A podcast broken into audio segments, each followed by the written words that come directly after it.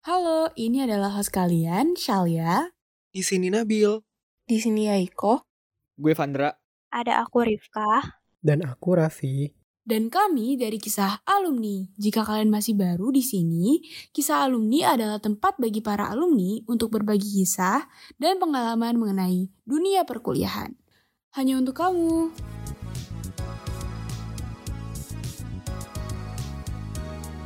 Halo semuanya, aku Aiko balik lagi di podcast Kisah Alumni dan di episode kali ini kita kedatangan bintang tamu yang menarik banget. Mungkin teman-teman gak asing lagi ya karena uh, kakak ini dengar-dengar cukup terkenal di sosial media karena konten-konten edukasinya yang wah kece-kece banget deh. Nah kita langsung panggilkan saja Kak Fauzan.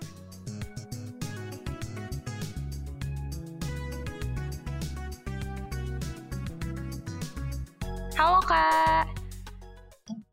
Halo, halo. Oke, gimana Kak kabarnya?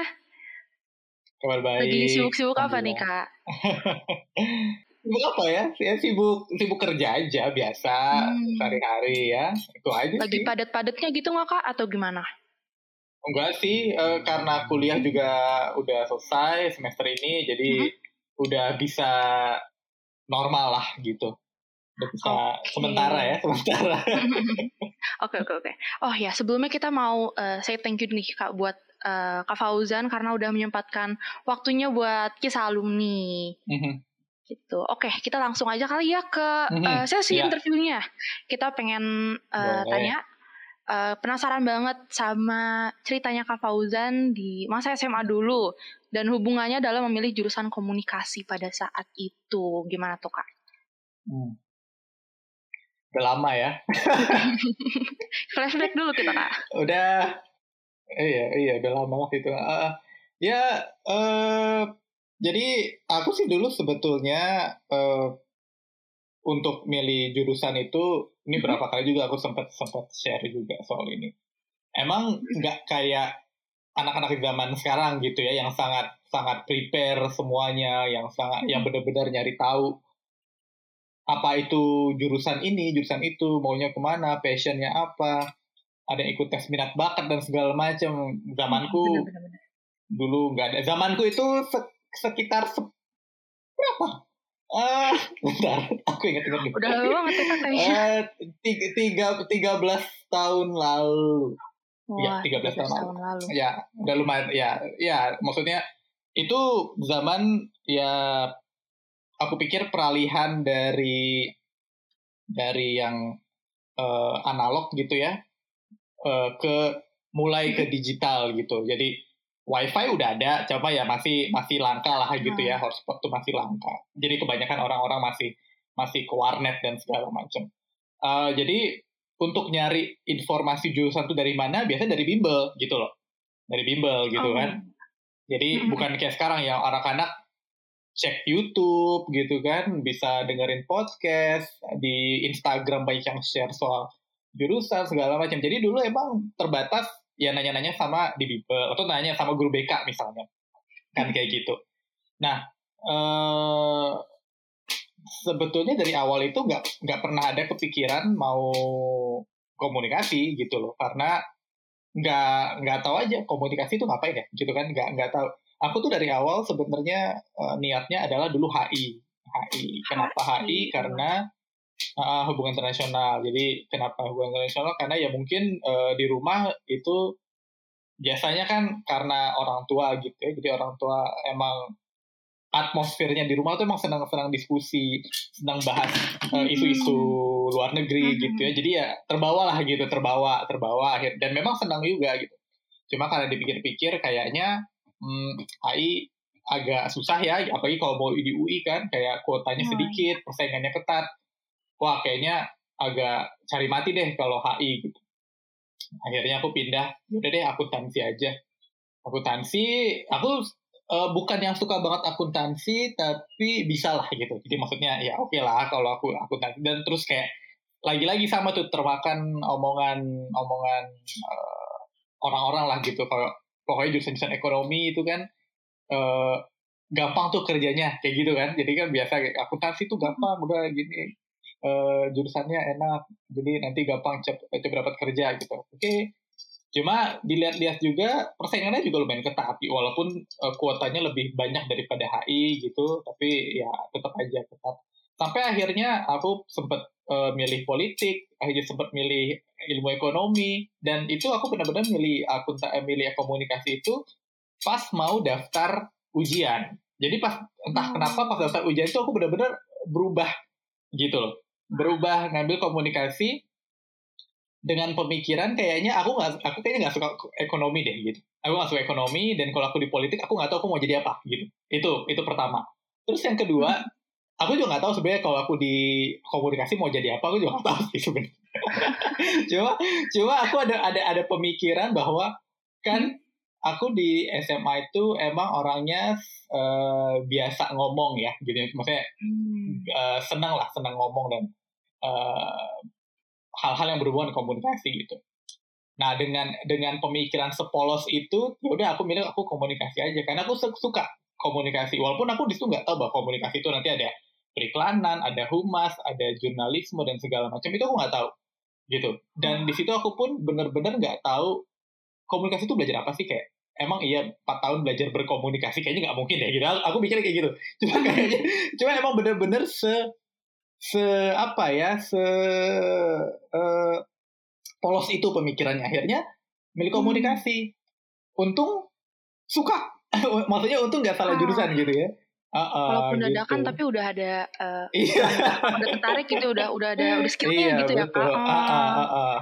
Oke oke oke. Nah itu kan uh, S1 berarti ya kayak yang komunikasi iya, itu. betul. Uh. Nah terus S2-nya kita lihat-lihat ini uh, linguistik. Nah hmm, itu kok hmm. bisa sampai ke linguistik itu kak? Gimana dok kak? Iya sebenarnya kan ke, uh, sebetulnya sih ya bahasa itu kan bagian dari komunikasi ya gitu ya. Ah, tapi iya. Iya kan, tapi memang uh, bukan tapi ini justru sesuatu yang lebih dalam gitu. Karena kalau komunikasi itu lebih cenderung ke maksudnya gini kalau kita ngomong soal komunikasi komunikasi itu apa sih? Biasanya orang akan ngomong soal media soal proses kreatif biasanya gitu kan? Uh, sesuatu yang sifatnya uh, kem, apa bikin campaign ya jurnalisme dan segala macamnya. Tapi padahal kan memang bahasa itu adalah suatu alat untuk kita berkomunikasi. Nah dan memang sejak aku akhirnya uh, terjun di dunia uh, editorial gitu ya, maksudnya di dunia tulis menulis gitu kan, akhirnya tuh ngerasa kayak baru baru itu ngerasa bahwa kayaknya memang aku punya ketertarikan di bidang bahasa. Lagi-lagi memang rasa-rasa ya rasa-rasanya sih gitu. Rasa-rasanya sih rasa-rasanya aku suka gitu ya. Tapi hmm. uh, nah waktu pas 2020 kemarin tuh akhirnya gara-gara pandemi juga gitu kan terus aku bingung hmm. mau ngapain ya? Gitu mau ngapain? Terus ngeliat anak-anak uh, di Twitter gitu kan banyak yang pada kuliah segala macam aku kepikiran akhirnya kayak apa aku kuliah lagi kali ya? Kayaknya kuliah karena selama ini ada pemikiran memang tapi memang nggak pernah serius gitu karena aku pikir aku nggak nggak hmm. perlu S2 lagi sebetulnya. Karena karena uh, karena kan kalau untuk jenjang pendidikan uh, pasca sarjana itu kan sesuatu yang sifatnya apa ya opsional gitu ya. Kalau emang rasa butuh ya hayu kalau enggak ya nggak apa-apa gitu kan. Dan aku selama bertahun-tahun merasa di posisi yang aku sebenarnya nggak perlu-perlu amat S2 gitu loh. Karena yang aku butuhkan tuh adalah justru ya skill menulis aku yang harus terus berkembang gitu kan Nah, cuma makin lama sejak uh, eh, 2020 kemarin itu uh, gara-gara ngurusin anak-anak di Twitter dan segala macam, aku ngerasa banyak banget sebetulnya aku nggak tahu. Tapi di saat aku nggak tahu, aku coba cari tahu gitu loh. Bukan kayak bukan kayak yang ya saya nggak tahu mohon maaf ya gitu enggak gitu tapi kalau aku hmm. ditanya ditanya sesuatu aku bakal bakal cari tahu itu gitu. Nah karena jadi aku pikir kayak, gitu ya, Kak? oh aku hmm. mau repot-repot nyari, ah penasaran ngapain juga hmm. gitu repot-repot cari tahu. Itu kan berarti kan ada ada sesuatu gitu. Maksudnya berarti emang aku ada ada passion di bidang itu gitu kan?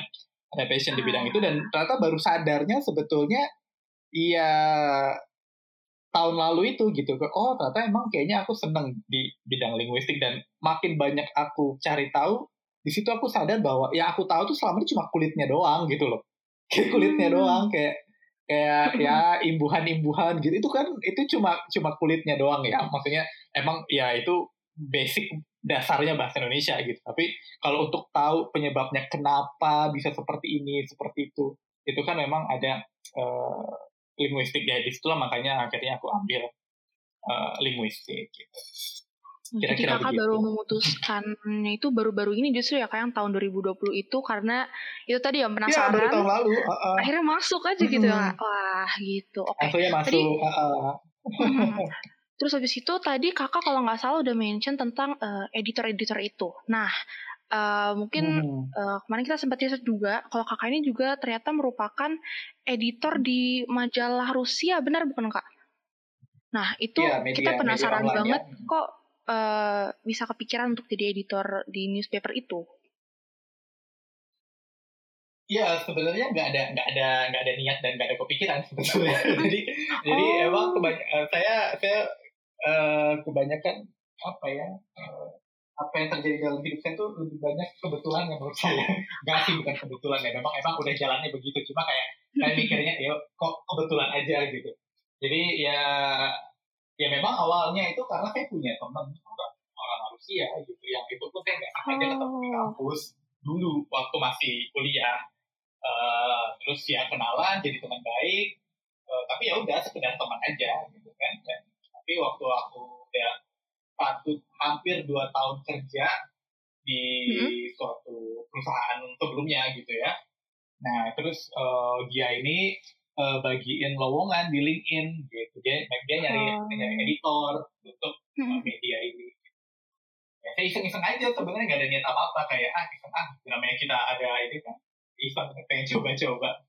Ternyata uh, diterima di hire dan ya memang sampai ya awalnya sih dari situ jadi sampai sekarang.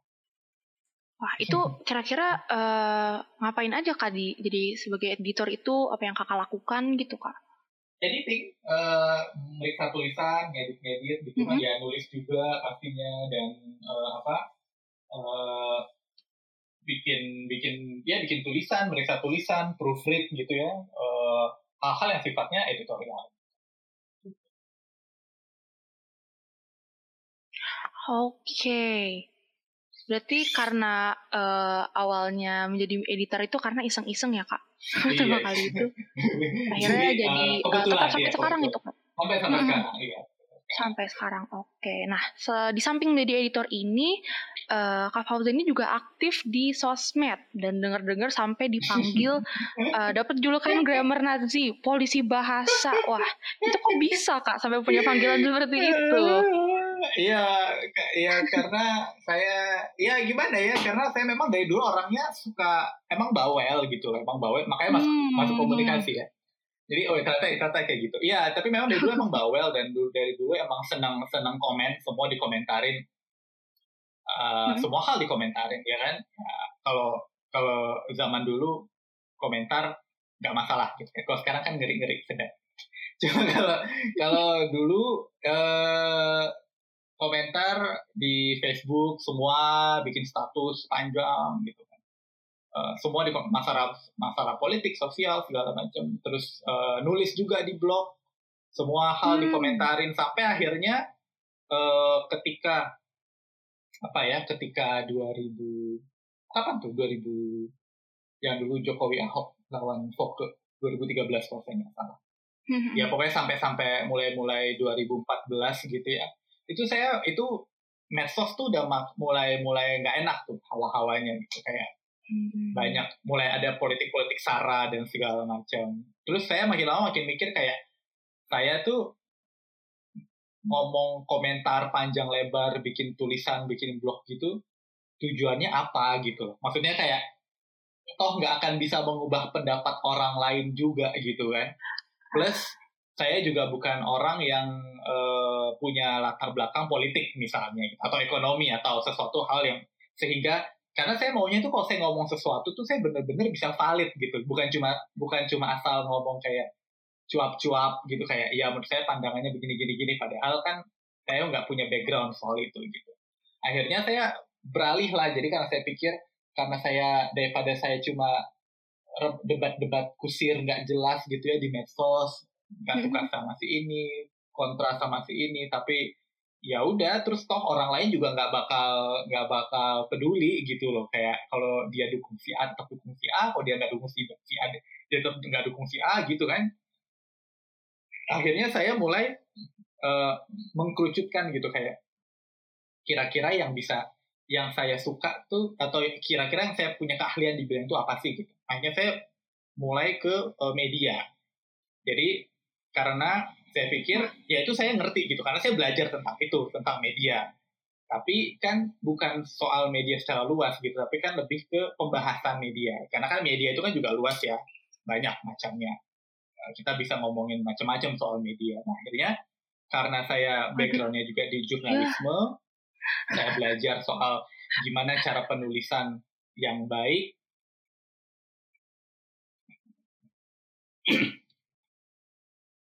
tujuan-tujuan. Oke, oke.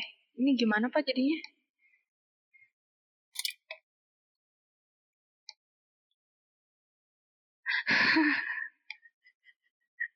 kirain. Kirain dia aku doang ya Allah. Udah panik. Oh udah. Halo? Halo? Halo halo? Halo? Oh hilang ya kak tadi suaranya? Eh sorry ya aku nggak sadar.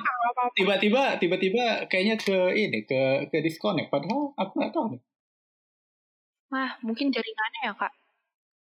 Oke oke.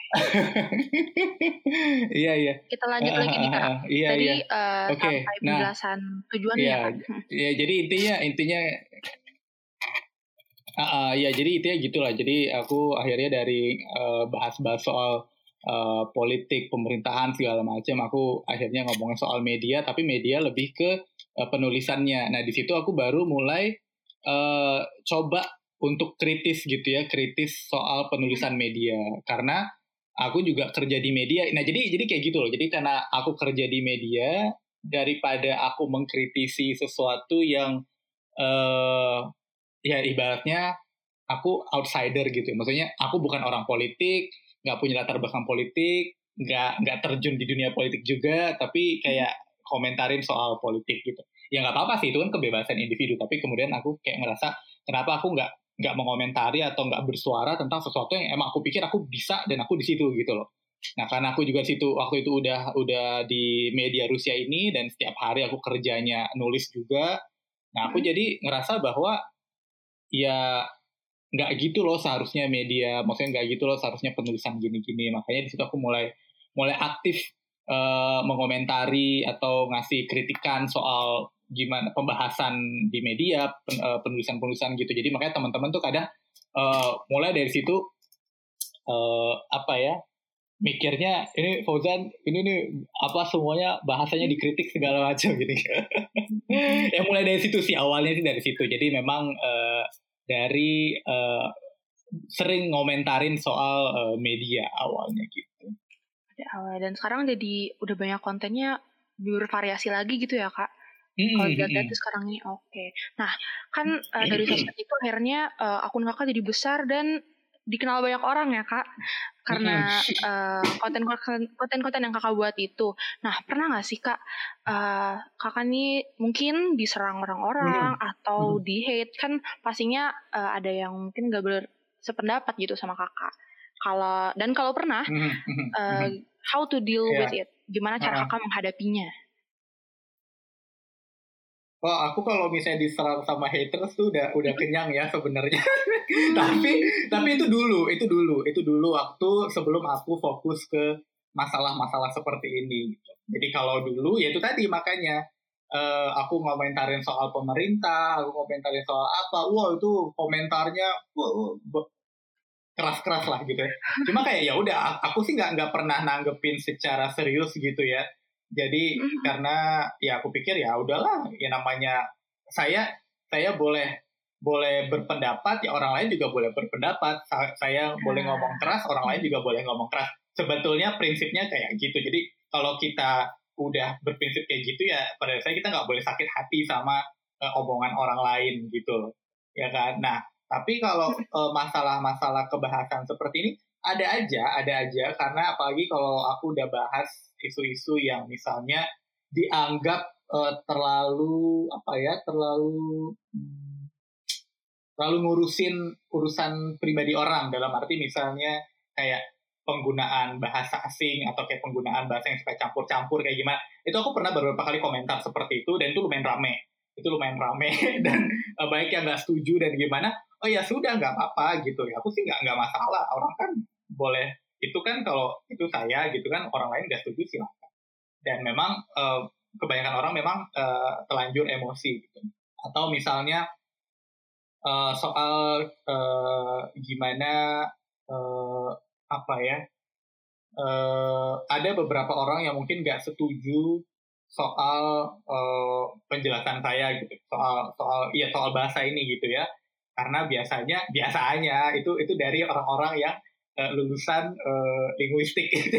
jadi atau lulusan hmm. lulusan lulusan bahasa Indonesia gitu kan ya apalah kalau saya kan bukan lulusan bahasa Indonesia ya saya kan orang komunikasi saya bukan tapi tapi kan memang jadi saya memang dari awal nggak pernah bilang bahwa saya orang yang ahli dalam bahasa Indonesia enggak saya selalu bilang bahwa hmm. bahasa Indonesia saya adalah bahasa Indonesia yang sifatnya praktis karena itu adalah bahasa Indonesia untuk media tapi saya bukan uh, media yang istilahnya uh, suka clickbait gitu. Jadi saya benar-benar menerapkan apa yang memang seharusnya dalam uh, dalam uh, media seharusnya gitu ya.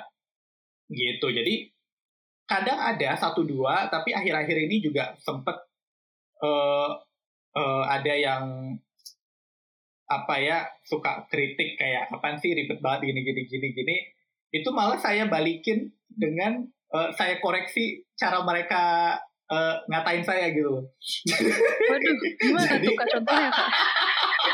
ya misalnya misalnya mereka ya misalnya mereka mereka uh, keluarlah kata-kata makian gitu kan. Oh ya udah saya saya quote retweet aja yuk gini yuk kita belajar gimana cara memaki dengan yang baik dan benar. Eh, gitu saya kayak gini aja. Kan ada cara aja maksudnya secara penulisan kan bisa aja kan. Jadi ada jadi orang-orang juga uh, apa ya uh, respect gitu. Maksudnya jadi orang-orang juga ya uh, oh jadi kita tuh nggak nggak jadi gini kita kan nggak bisa mengatur bagaimana orang lain uh, memandang kita gitu ya. ya kita nggak bisa ya. kita nggak bisa mengatur bagaimana orang lain uh, apa namanya beropini terhadap kita. Tapi kita bisa merespons, kita bisa mengatur gimana respons kita terhadap segala macam komentar yang kita terima gitu loh. Kita mau balas ngomong kasar bisa, tapi kalau kita kita bisa juga kita bisa juga balas secara halus tapi sekaligus mengedukasi gitu. Bisa aja kan? Nggak salah kan? Benar benar nggak salah benar iya misalnya saya, saya pernah nah, bilang uh, ya ini ini saya paham maksudnya tapi yuk kita coba lihat struktur kalimatnya SPOK-nya benar atau enggak. Misalnya gitu. Bisa aja sebenarnya. Aduh yang komen tuh aduh. Iya akhirnya akhirnya dihapus komentarnya. Oh, oh. Tapi saya udah screenshot Jadi itu cara kakak menghadapinya ya kak dengan cara elegan iya, dan mengedukasi enggak. juga. Waduh. Keren, iya. keren, keren, keren, keren. Oke, okay. ini masih ngomongin soal kak. Hmm. Uh, kita beralih uh, tema lagi. Jadi uh, kita lihat juga salah satu postingannya kakak uh, kakak pernah bilang kalau angkatan 2020 akan menjadi generasi yang paling sadar akan bahasa Indonesia dan itu terbukti. Nah, yeah. kenapa kakak bisa sampai uh, apa ya? Justru menurut kakak itu yang paling sadar akan bahasa. Padahal angkatan ini kan mungkin untuk dari belajar sendiri uh, pandemi kayak gini online, yeah, jadi yeah. mungkin kurang kondusif mm -hmm. gitu gimana kak? Iya karena ya itu karena waktu 2020 kemarin itu kan mm -hmm. uh, UTBK-nya memang akhirnya di diubah gitu ya dari yang tadinya ada uh, TPS dan TKA jadinya TPS aja jadi yang yang cuma tes potensi skolastik aja cuma intinya bahasa Indonesia bahasa Inggris dan matematika intinya itu gitu dengan yes. sebutan lain-lainnya itu lah. Mm -hmm. Nah jadi otomatis yang tadinya orang-orang kan biasanya nggak terlalu mikirin bahasa Indonesia, bahasa Inggris gitu kayak ah, udahlah nanti aja gitu. Karena orang akan biasanya akan fokus ke yang TKA-nya gitu, yang kemampuan IPA atau kemampuan IPS-nya biasanya kan fokus di situ. Nah, ketika yang si TKA ini tahun lalu itu akhirnya dihapuskan, kan mau nggak mau, suka nggak suka harus belajar bahasa Indonesia. harus belajar bahasa Indonesia. Iya, yang tadinya nggak suka bahasa Inggris harus belajar bahasa Inggris gitu kan. Jadi, jadi terpaksa harus belajar.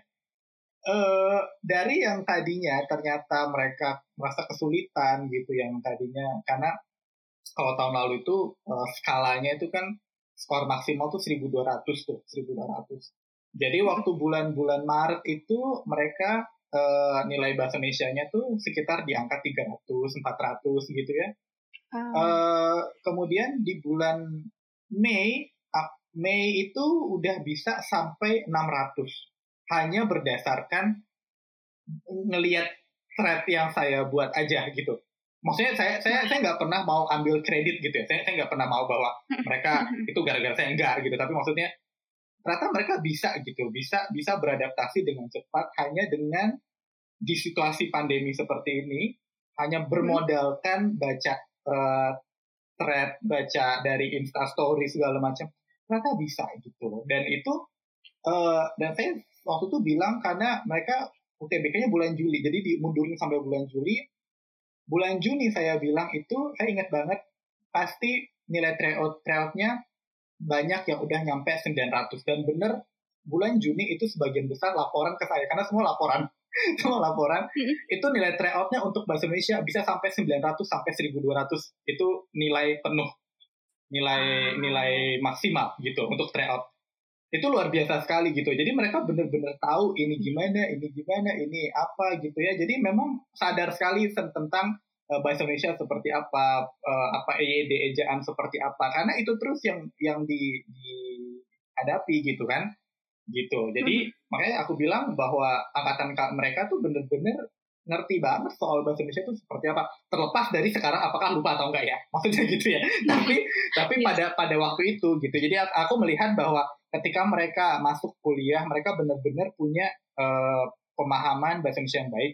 Bahkan sampai sekarang uh, aku juga kenal dengan beberapa orang gitu ya. Dan mereka uh, juga makin kritis gitu ya dengan dengan bahasa dengan bahasa Indonesia dan segala macam jadi itu uh, ya uh, bagus banget lah bagus banget. Walaupun memang pas UTBK-nya gitu ya uh, soalnya uh, bertolak belakang 100% gitu. Hampir hampir hampir di luar prediksi sekali gitu loh. Jadi makanya 2020 itu memang waktu itu ujiannya lumayan susah karena mereka tryout-nya lebih banyak ke tata bahasa tapi ternyata yang keluar hmm. itu malah jauh berbeda gitu. Mungkin itu aku pikir ya gara-gara memang kan uh, cuma tiga tiga eh cuma TPS aja gitu ya, cuma tes potensi skolastik aja. Jadi kayaknya memang kualitas soalnya dipersulit gitu, kayaknya gitu. Karena toh yang tahun ini kemarin itu balik lagi ke tahun 2019 gitu, model soalnya. Jadi makanya jauh lebih mudah, nilainya pun tinggi-tinggi. Karena yang tahun lalu itu kalau nggak salah eh, paling tinggi yang untuk nilai bahasa Indonesia dapat 600 dari skala 1200 saja itu udah udah tinggi banget tahun ini aku aku uh, ada yang laporan tuh bisa sampai sampai 800 nilainya dari skala dari 1000. Jadi kalau tahun lalu 600 dari 1200, hmm. tahun ini yang laporan ke aku 800 dari skala 1000 poin. itu itu gede banget gede, ya, gede, itu gede banget gede banget iya makanya. Ya kak. nah gitu. apakah itu jadi motivasi iya, kakak buat bikin uh, konten-konten yang berbau SBMPTN gitu kak? Karena kakak melihat ya, uh, karena, kesempatan gitu. Uh, uh. Eh, jadi gini aku kan memang kan awalnya bikin konten-konten kayak gini tuh gak ada niat gitu. Aku aku selalu bilang bahwa aku hmm. nggak pernah niat jadi famous gitu. Aku aku nggak pernah aku nggak pernah niat mau jadi seperti ini. Uh, aku emang niatnya emang seneng sharing aja. Aku emang niatnya hmm. kayak dari dulu seperti itu. Dan soal bahasa Indonesia ini aku memang eh, niat awalnya itu memang untuk mahasiswa aku sendiri gitu. Karena aku juga ngajar. Jadi eh, awalnya itu aku buat buat seperti ini buat mahasiswa aku sendiri. Jadi aku buat di Instagram. Karena semua mahasiswa aku kan aku eh, follow follow followan sama teman-teman sama mahasiswa aku juga di Instagram. Jadi aku pengen anak-anak zaman sekarang tuh kan nggak bisa lepas dari Instagram, dari Twitter gitu ya, dari media, dari dari HP-nya gitu. Jadi aku pengen lah kayak ya mereka buka-buka Instagram adalah sedikit manfaat apalah gitu. Mungkin mereka ngelihat saya eh, habis share apa gitu kan, habis bahas soal materi apa, sesuatu yang mungkin nggak mereka dapatkan di perkuliahan karena jam kuliah itu sebenarnya singkat banget sebetulnya gitu kan. Hmm. Sedangkan banyak sekali eh, hal-hal yang mungkin nggak bisa mereka dapatkan di perkuliahan awalnya dari situ gitu awalnya dari situ ternyata pas gara-gara uh, pandemi kemarin uh, apa namanya gara-gara ya itu UTBK-nya akhirnya dimundurkan terus jadinya cuma tiga cuma jadi TPS aja yang diujikan. Nah uh, ada orang-orang yang nemu Instagram saya di eh nemu Instagram saya gitu kan dengan materi-materinya itu. Mereka izin buat di share di Twitter mereka bagikan di Twitter viral gitu mereka bagikan hmm. di Twitter viral karena hampir selama, selama ini belum ada yang uh, bahas bahasa Indonesia secara detail di medsos gitu. Kalau matematika banyak, ya kan? Ya yang bahasa Inggris ya di mana-mana ada gitu kan, YouTube di mana-mana. Matematika itu banyak cara-cara cepat dan segala macam. Fisika, kimia semua ada, tapi bahasa Indonesia nggak pernah ada dan dan waktu itu mereka lagi butuh banget soal gimana sih ngerjain bahasa Indonesia. Dan semua benci sama bahasa Indonesia. Karena susah. Semua benci sama bahasa Indonesia. Karena susah gitu. Tapi ternyata dengan dengan dengan uh, dengan apa ya dengan uh, metode yang sederhana gitu ya dengan bahasa yang sederhana. Karena memang saya niat awalnya emang buat mahasiswa saya gitu jadi ya, ya saya buat yang sederhana sederhana aja yang sesuatu yang sifatnya praktikal gitu yang bisa diterapkan langsung gitu kan nggak perlu yang hmm. terlalu teks-teks panjang gitu ternyata itu menjawab uh, kebutuhan mereka dan karena uh, intinya sih sebetulnya waktu itu ya dengan atau tanpa anak-anak di Twitter atau di Instagram kenal saya, saya akan tetap bikin konten-konten seperti itu gitu. Karena memang tujuannya memang untuk sharing gitu. Dan ketika uh, tapi ya ketika orang-orang lebih banyak yang kenal dan justru sekarang jadi lebih banyak uh, apa uh, yang lebih aware juga dengan bahasa Indonesia, ya pastinya itu jadi bikin lebih semangat ya, bikin motivasi juga gitu. Apalagi waktu itu juga sempat sempat ketemu sama uh, Uda Ivan Lanin gitu kan itu juga sosok sosok apa ya sosok panutan saya juga gitu kan Ivan Lanin gitu ya dia juga bilang bahwa uh, sama Kak Fauzan dia dia manggilnya Kak Fauzan juga. Kak Fauzan ini uh, kita beda market gitu loh. Kalau Ivan Lanin itu marketnya ya orang-orang profesional gitu kan. Orang-orang profesional orang-orang uh, di perkantoran gitu ya yang uh, bahasa Indonesia. Dia targetnya itu. Sedangkan Ivan Lanin sendiri nggak dia mengakui bahwa dia nggak bisa menyasar anak-anak muda ini loh yang anak-anak SMA itu nggak bisa gitu loh. Nah ah. di situ saya menurut dia saya itu hadir untuk mengisi kekosongan itu gitu. Atau mengisi kekosongan itu karena targetnya berbeda gitu. Jadi jadi sama-sama sama-sama sama-sama uh, apa ya uh, mengampanyekan gitu mengampanyekan uh, bahasa Indonesia gitu. Tujuan sama tapi pasarnya memang beda gitu ya kayak pasarnya beda uh, pasarnya hmm. beda. Karena karena anak-anak sendiri juga kalau misalnya uh, mereka kan bukan berarti nggak nggak follow udah Lanin gitu ya tapi hmm. kan dari segi pembawaannya pasti berbeda ya. Karena itu tadi karena target marketnya juga berbeda gitu audiensnya beda gitu. Kalau saya kalau saya akhirnya udah saya bukan juga bukan jadi kayak apa bukan cuma kayak mereka bilangnya kayak guru bahasa Indonesia gitu ya tapi udah jadi kayak guru BK jadi jadi guru BK karena ikut julukannya ayah ikut, loh ikut, kak kita iya mak iya makanya saya, iya saya juga bingung itu siapa yang pertama kali bikin kayak gitu ya itu gara-gara oh. itu gara-gara gara-gara uh, apa ya benar-benar kayak memotivasi juga gitu supaya mereka tetap semangat dan segala macam. Makanya jadi kayak guru BK, jadi kayak ayah gitu. Kalau luar biasa banget sih itu kak. Wah, nah ini kak, kan akhir-akhir ini kan juga baru pengumuman PTN itu ya kak.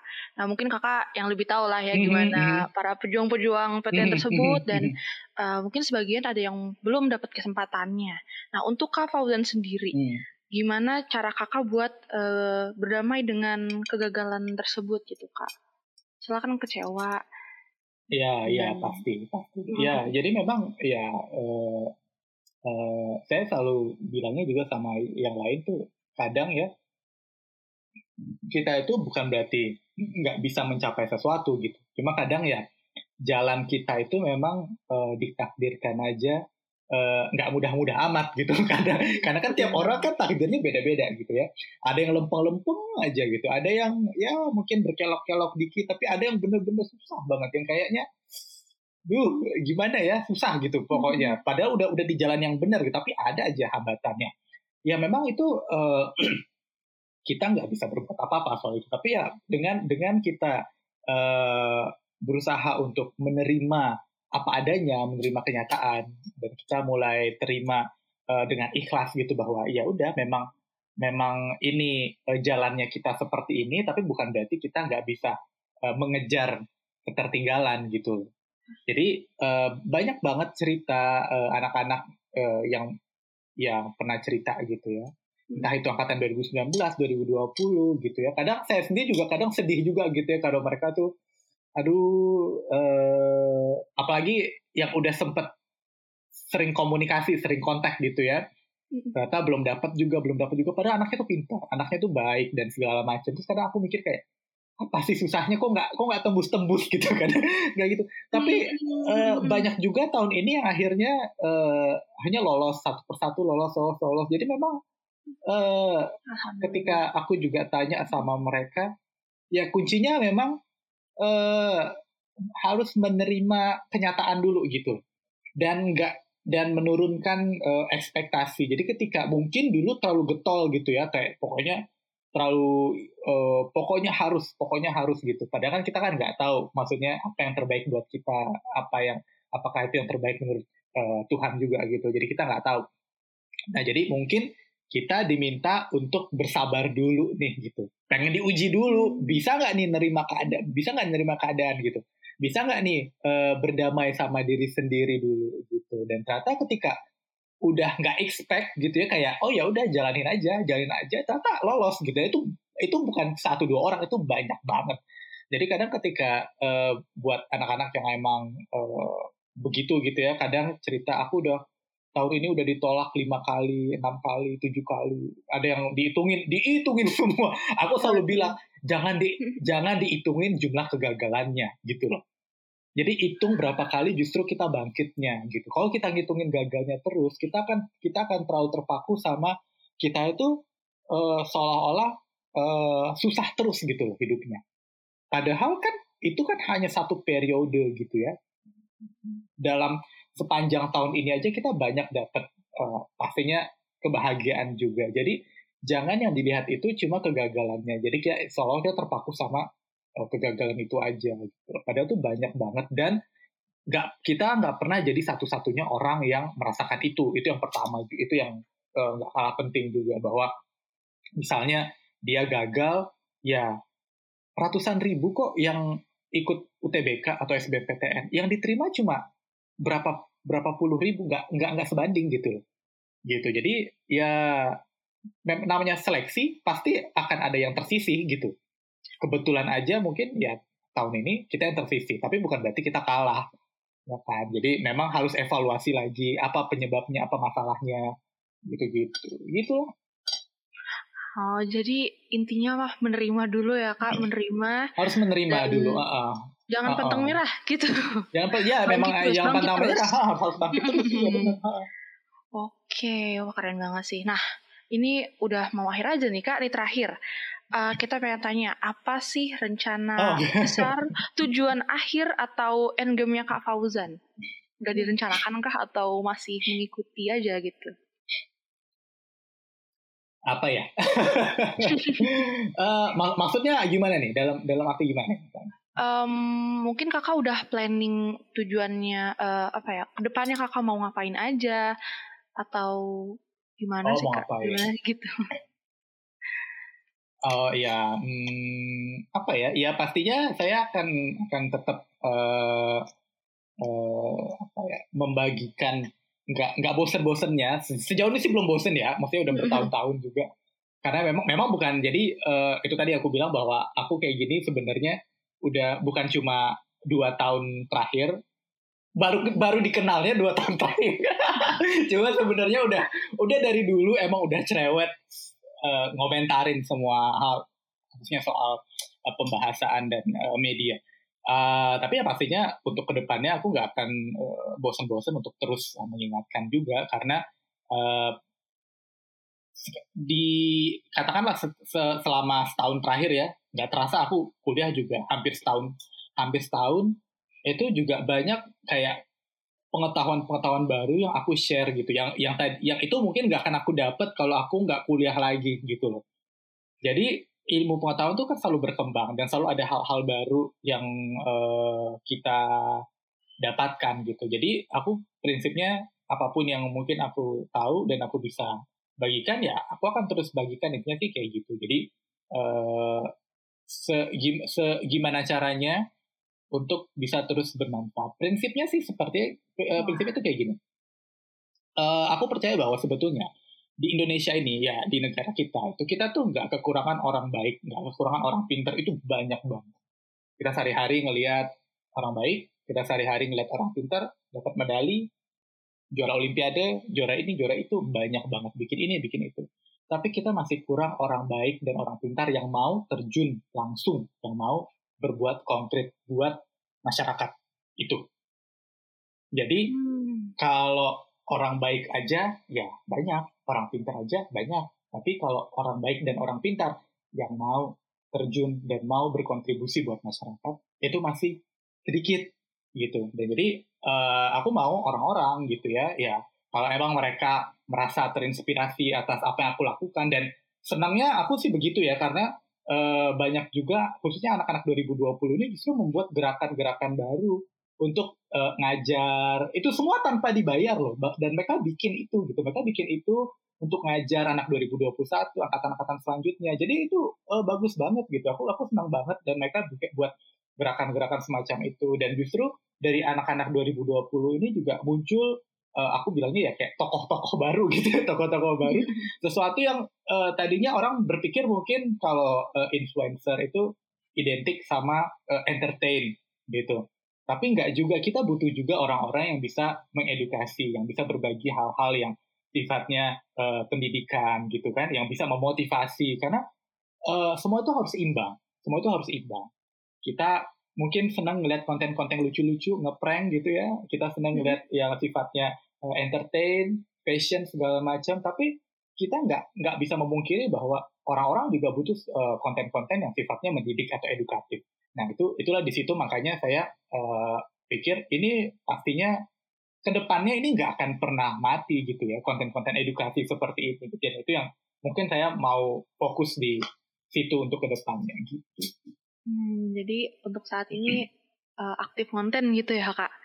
Aktif okay, konten. Okay. Uh, walaupun walaupun ya walaupun ya aku aku sendiri nggak pernah uh, mengaku atau nggak pernah memosisikan diri sebagai content creator gitu. Enggak. Aku aku nggak aku nggak pernah aku nggak pernah ngerasa dibilang maksudnya nggak pernah mengaku atau nggak pernah merasa sebagai entah itu content creator entah itu influencer biasa-biasa aja karena kalau dibilang content creator tuh kayak kayak harus bikin konten gitu loh. Kayak udah hmm. emang kerjanya bikin konten. Kalau aku kan enggak ya. Kalau aku tuh sifat sifatnya tuh adalah di mana aku ada ide sesuatu kayak ada sesuatu yang pengen aku ah, misalnya ada media pengen aku roasting nih. Aku pengen aku pengen aku pengen marah-marahin. Ya aku marahin gitu. Tapi tapi kalau kebetulan lagi tiba-tiba ada ada ide kayak kemarin misalnya aku baca apa nih?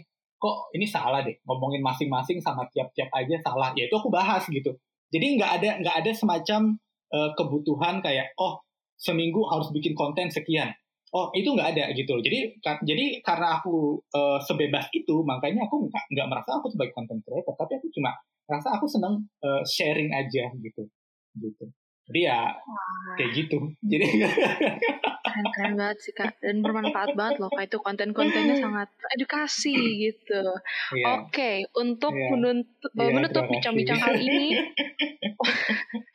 boleh dong kak uh, sampai uh, sampaikan tiga kata tiga kata yang menggambarkan seorang kak Fauzan dan kesan pesan buat uh, para pendengar podcast kisah alumni. Monggo silahkan kak. Oke, okay, uh, eh, tiga kata ya aku coba bisa bilang apa ya? Ya bahasa Indonesia tuh seru ya. Bahasa Indonesia seru ya. Bahasa Indonesia Itu. seru. Uh, uh, okay. Bahasa Indonesia seru. Itu tiga kata ya. Kalau kesan-pesan uh, buat pendengar ya, ya paling aku cuma uh, pesannya ya kalau banyak orang uh, takut untuk uh, membagikan uh, apa itu uh, mimpinya atau cita-citanya sama orang lain gitu ya karena takut nanti malah nggak kejadian, kalau nggak kejadian nanti malu dan segala macam. Justru kalau saya itu sebaliknya gitu ya. Jadi kalau uh, kita punya impian itu kenapa nggak kita share bagikan sama orang lain?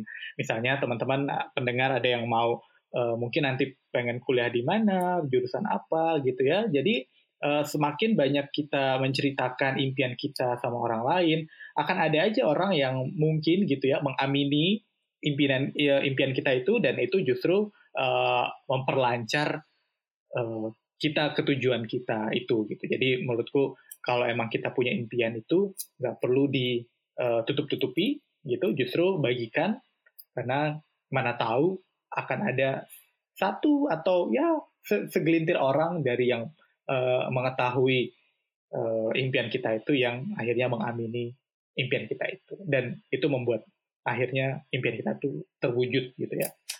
Kira-kira begitu?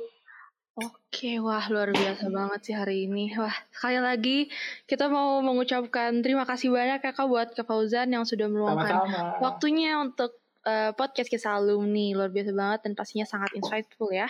Oh iya, buat teman-teman yang kepo sama konten-konten edukasinya uh, Kak Fauzan, wah boleh banget langsung dicek at uh, Fauzan Al Rashid. Bener bukan Kak? Betul. Uh, Fauzan Oke. Okay. Dan gak lupa juga kalau teman-teman merasa podcast ini bermanfaat, boleh banget di-share ke sosial media kalian supaya nggak cuma kamu yang dapat manfaatnya, tapi yang lain juga. Dan yang mau kepoin Instagram atau Twitter kita, monggo boleh banget cek di @kisah_alumni karena kita bakal selalu update tentang podcast-podcast berikutnya. Sekian untuk hari ini. Terima kasih banget Kak Fauzan. Sampai jumpa di podcast berikutnya. Terima kasih semuanya. Terima kasih. Ya.